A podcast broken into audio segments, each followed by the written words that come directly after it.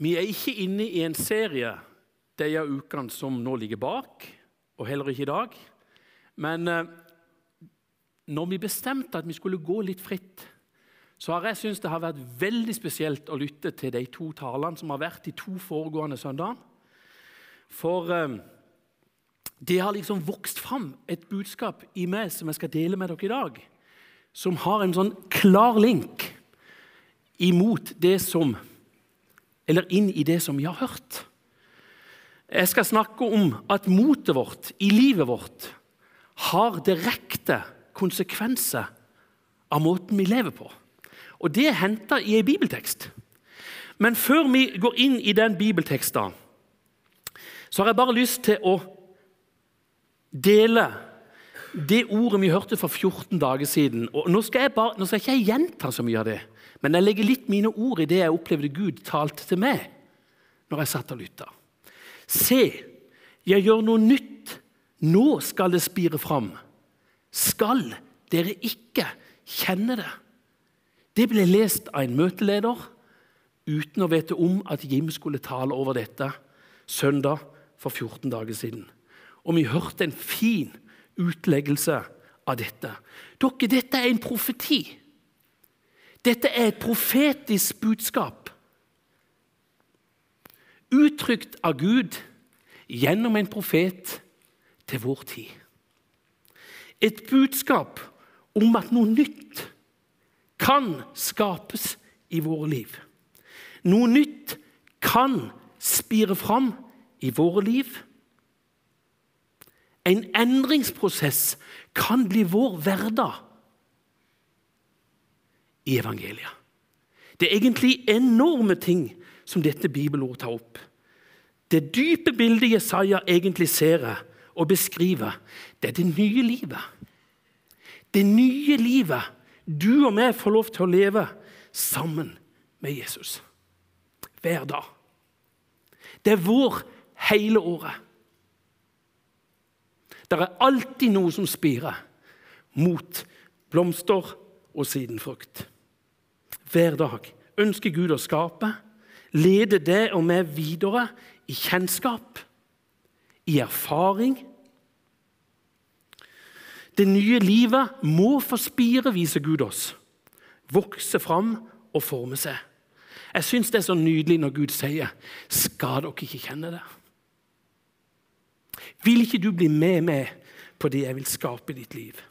Er du i endring nå? Formbar i Guds hender. Det har vært litt av min bønn disse siste 14 dagene. Forrige søndag fikk vi en tekst. Og Nå leser jeg et lite utdrag av den teksten, for det var vers 4 som jeg syns har en nydelig link både til det som var, og det som kommer. Jesus svarte. Det står skrevet. Mennesket lever ikke av brød alene, men av hvert ord som kommer fra Guds munn. Hva sier det bibelordet oss, eller hva ligger liksom som en klar beskjed inn til oss? Dette ordet sier noe om livsprosess. Noe som skapes, noe som formes, og et livsgrunnlag. Det er én plass vi må ha næring for at dette skal bli en prosess. Denne prosessen går ikke av seg sjøl. Jeg forstår at jeg må åpne for det. Denne prosessen må jeg åpne for i mitt liv.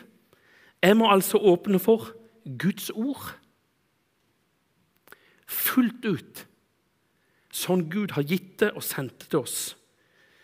Det er ikke nok bare å kjenne Guds vilje dere, for oss i en kristen menighet.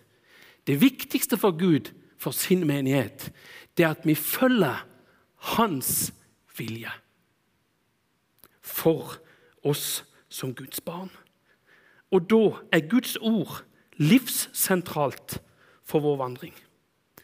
Vi kan ikke stille oss verdinøytrale, ble det snakka litt om forrige søndag.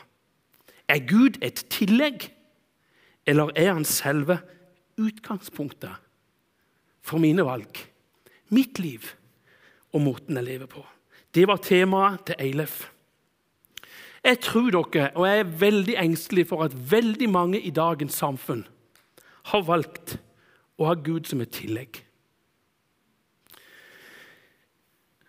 I dag blir mennesket kalt i dagens samfunn det postmoderne mennesket. Og det som på en måte er blitt et mantra i samfunnet vårt i vår tid, uten å snakke det for mye ned, så spør ikke folk lenger etter Guds vilje i verdispørsmål. De vil ha det som føles godt, det som oppleves besnærende, det som oppleves inn i tida, og noen sier rett ut det som funker, vil jeg ha for mitt liv. Guds ord er blitt gammeldags, og for veldig mange har det utgått på dato. Nå skal ikke jeg være veldig negativ, men vi, vi må jo erkjenne alle sammen dere, at sånne tankemønster sniker seg også inn i kristne kretser i vår tid. I kristne forbund i vår tid. I dag er det så mye ressurser og tid som brukes på der vi er opptatt med å bedømme og vurdere hva Gud har sagt og kan ha meint, framfor å ta til oss Guds ord og unike vilje for våre liv, for vår menighet og der vi står. Guds veiledning til oss, Guds ord til oss, er ikke tillegg, men er vårt utgangspunkt og vil alltid være det for et sunt åndsliv i Guds menighet. Guds ord dere, i sin helhet er selve livsgrunnlaget for oss som Guds folk.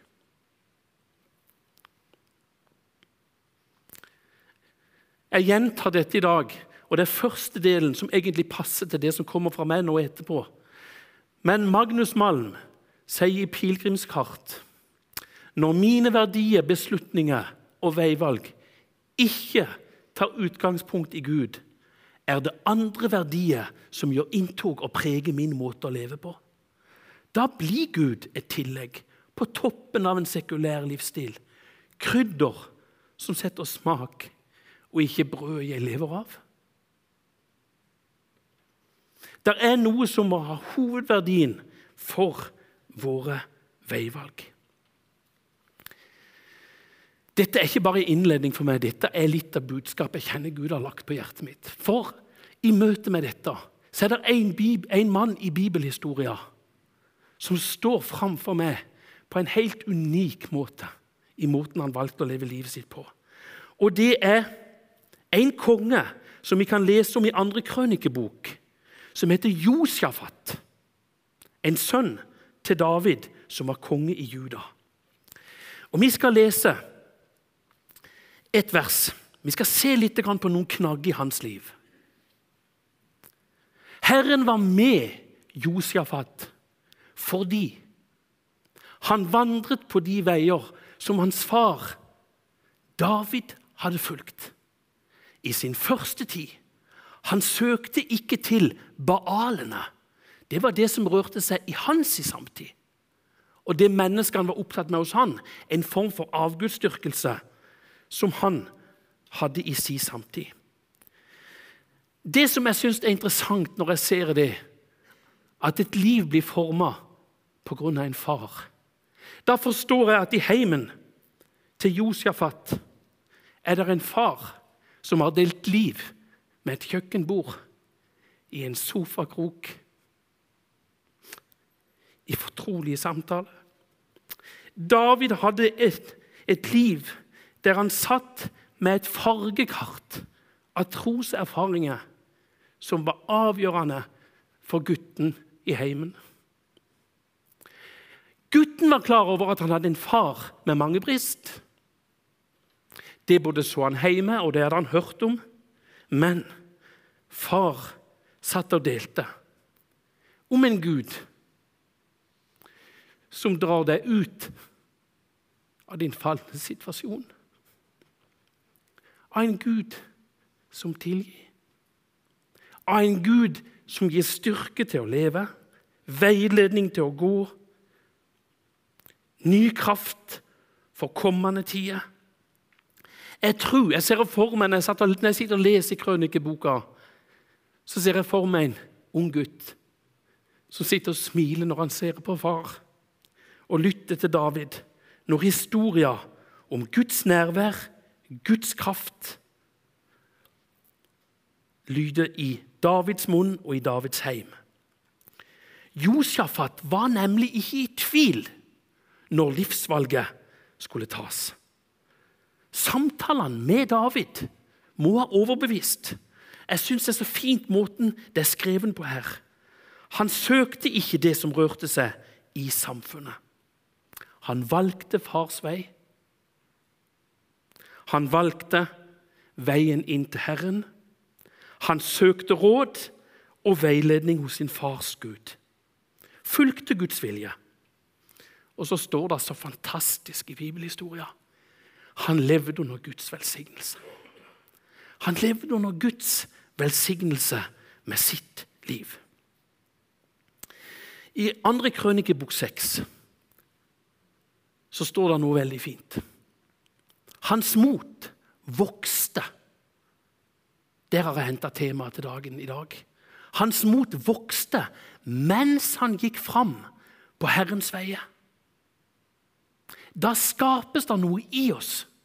Han fikk også bort offerhaugene og startebildene i Juda.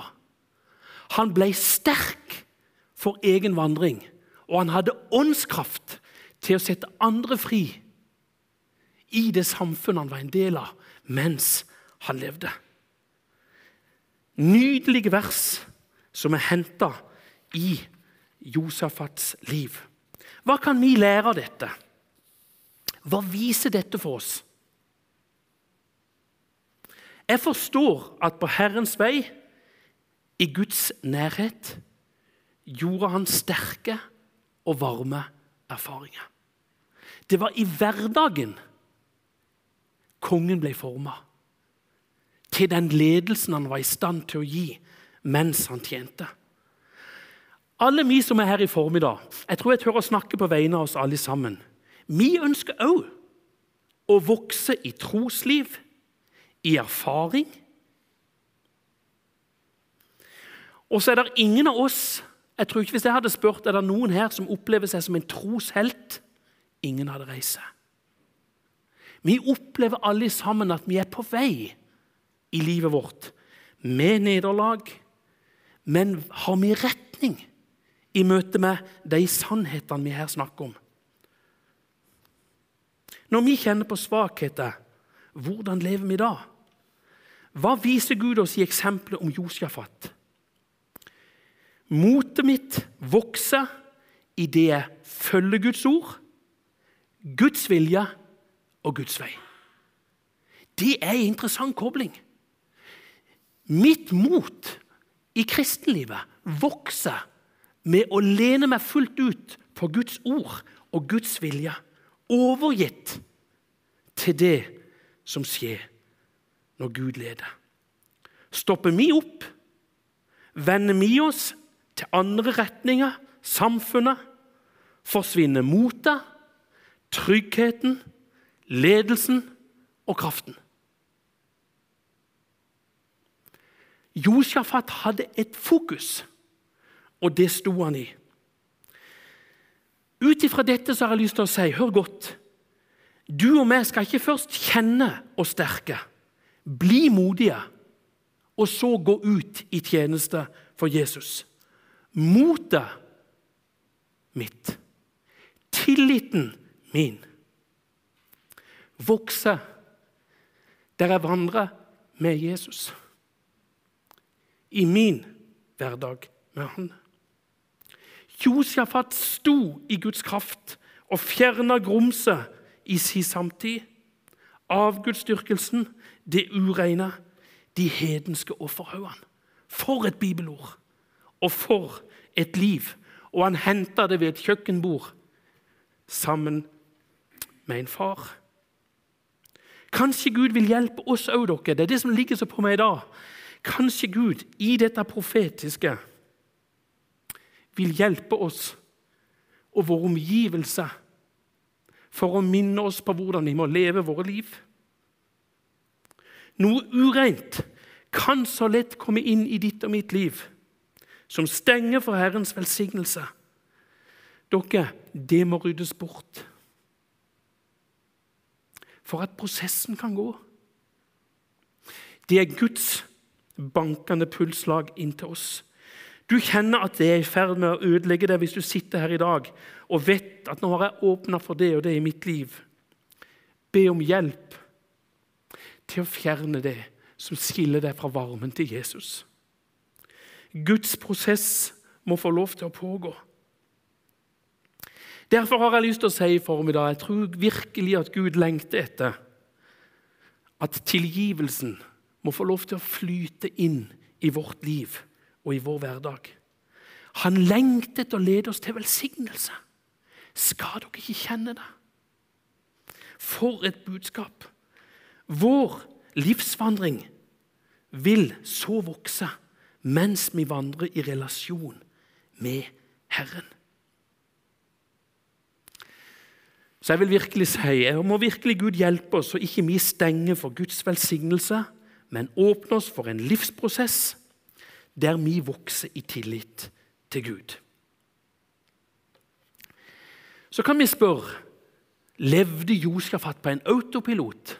Var det liksom bare sånn full fart? Nei. Han levde akkurat med samme register og følelses, følelsesregister som oss. Der han kjente seg rådvill i en veldig pressa situasjon, i et valg i livet, så sier han noe veldig sterkt. I andre krønikebok 18,4 kan vi lese.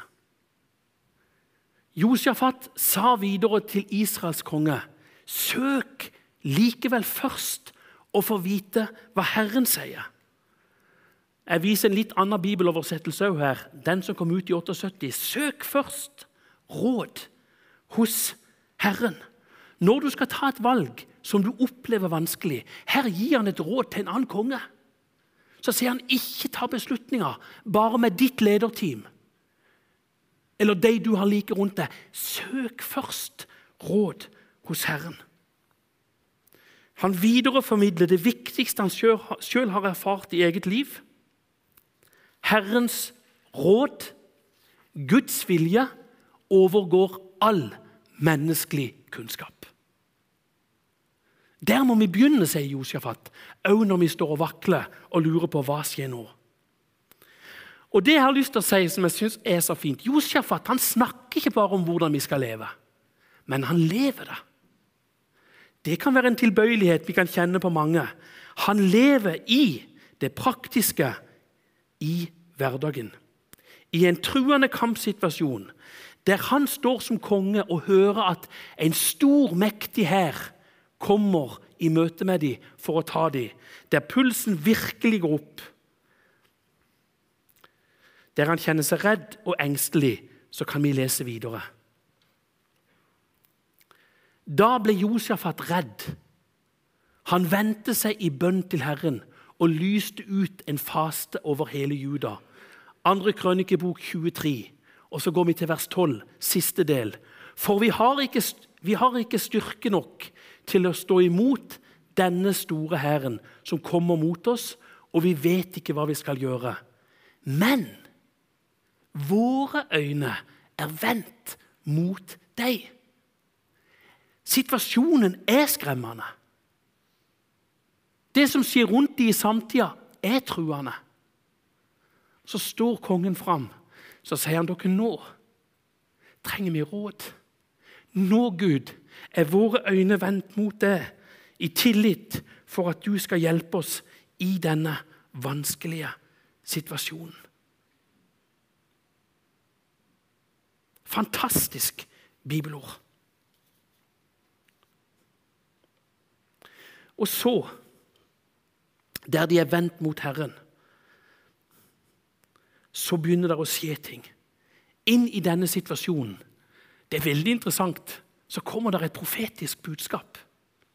Altså, Guds ånd taler til en av brødrene For å si det litt sånn som vi sier i menigheten En av brødrene i menigheten fikk et ord.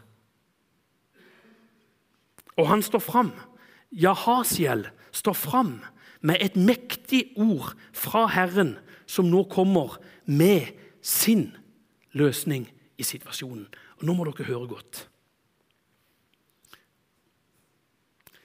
Så sier Herren til dere. Jahasiel står fram. Frykt ikke. Denne store hæren skal dere ikke være redde for. For denne krigen er ikke deres, men Guds. Det er ikke dere som skal kjempe her. Se hva som står. For et budskap til en som følger Gud.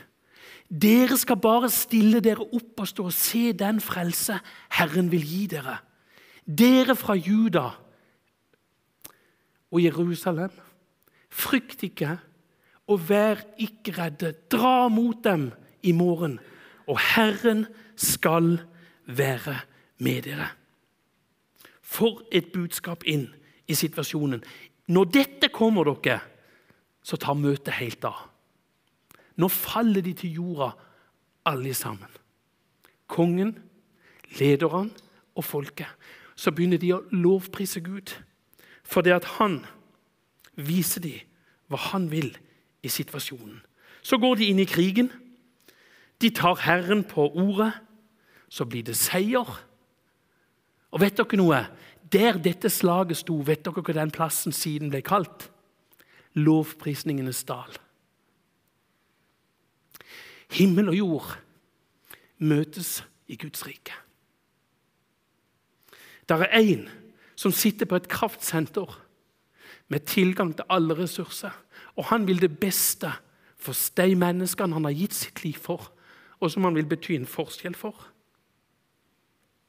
Her er trøst til oss. Her er hjelp til oss. Du som kanskje står midt i en kamp nå.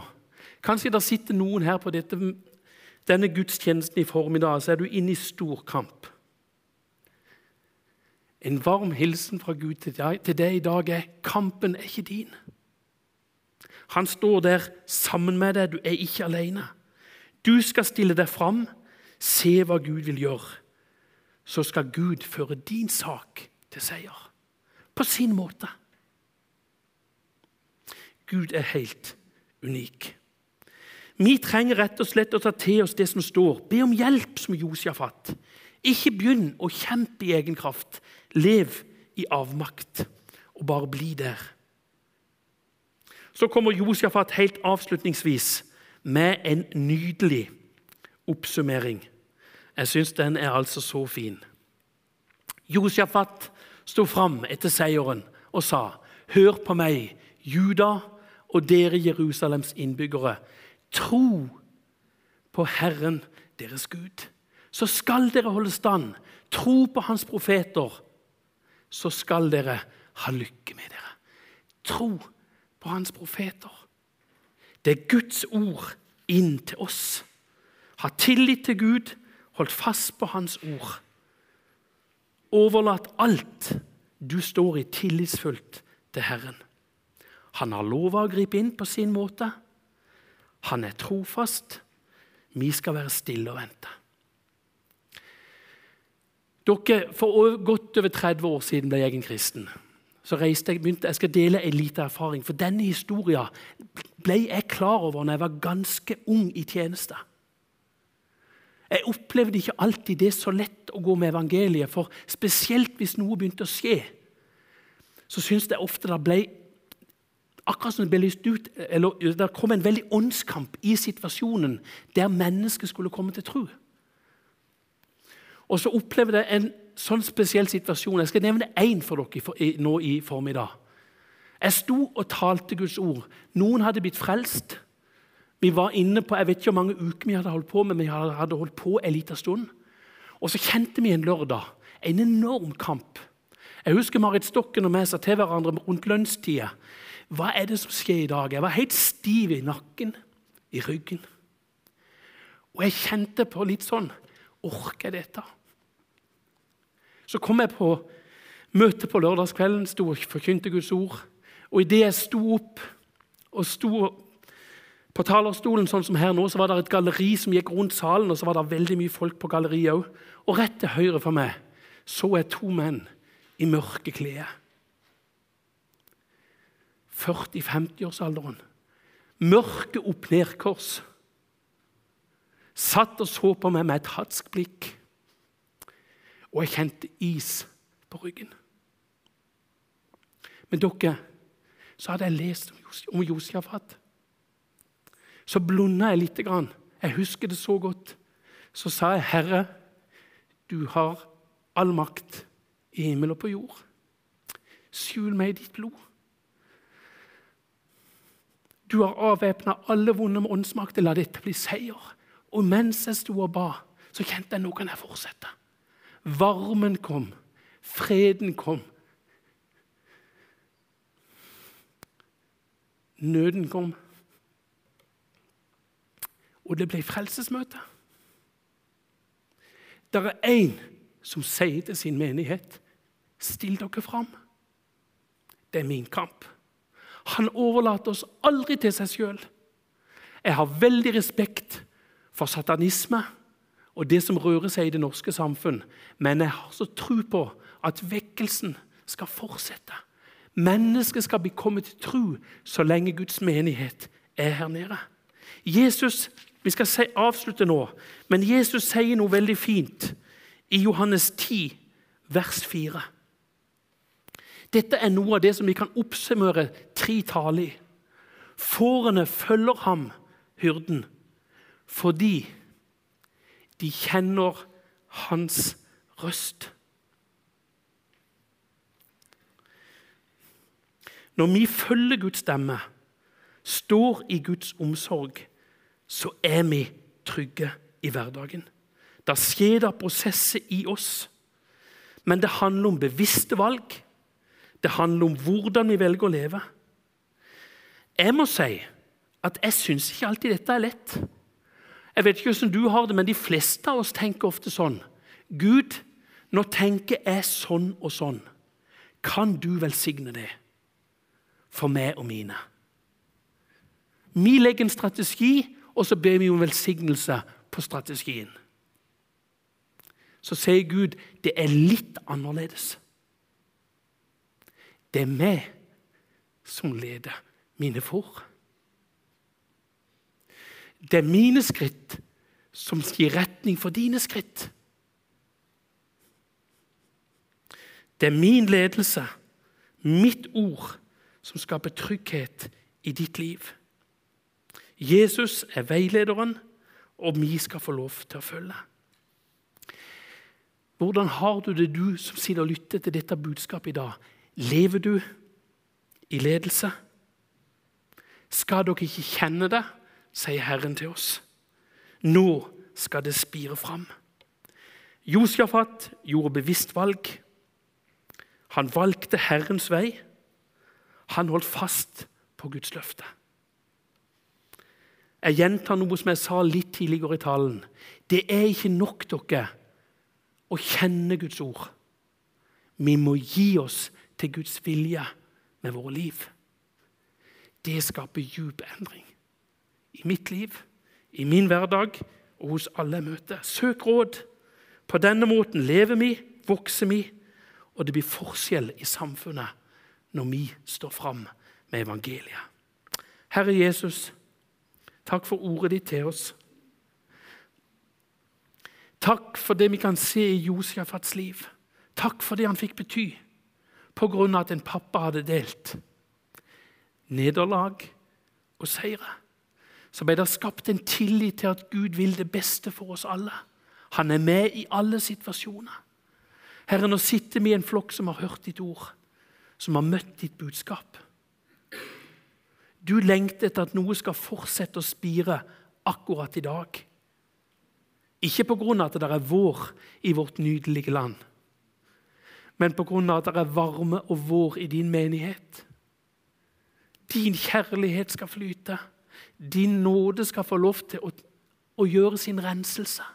Din kraft skal gjøre oss i stand til å leve. Jesus, vi er så glad for at det er du som leder. Vi skal bare stille oss fram og si 'Herre er Herre'. Hjelp meg til å leve. Hjelp meg til å dele. Amen.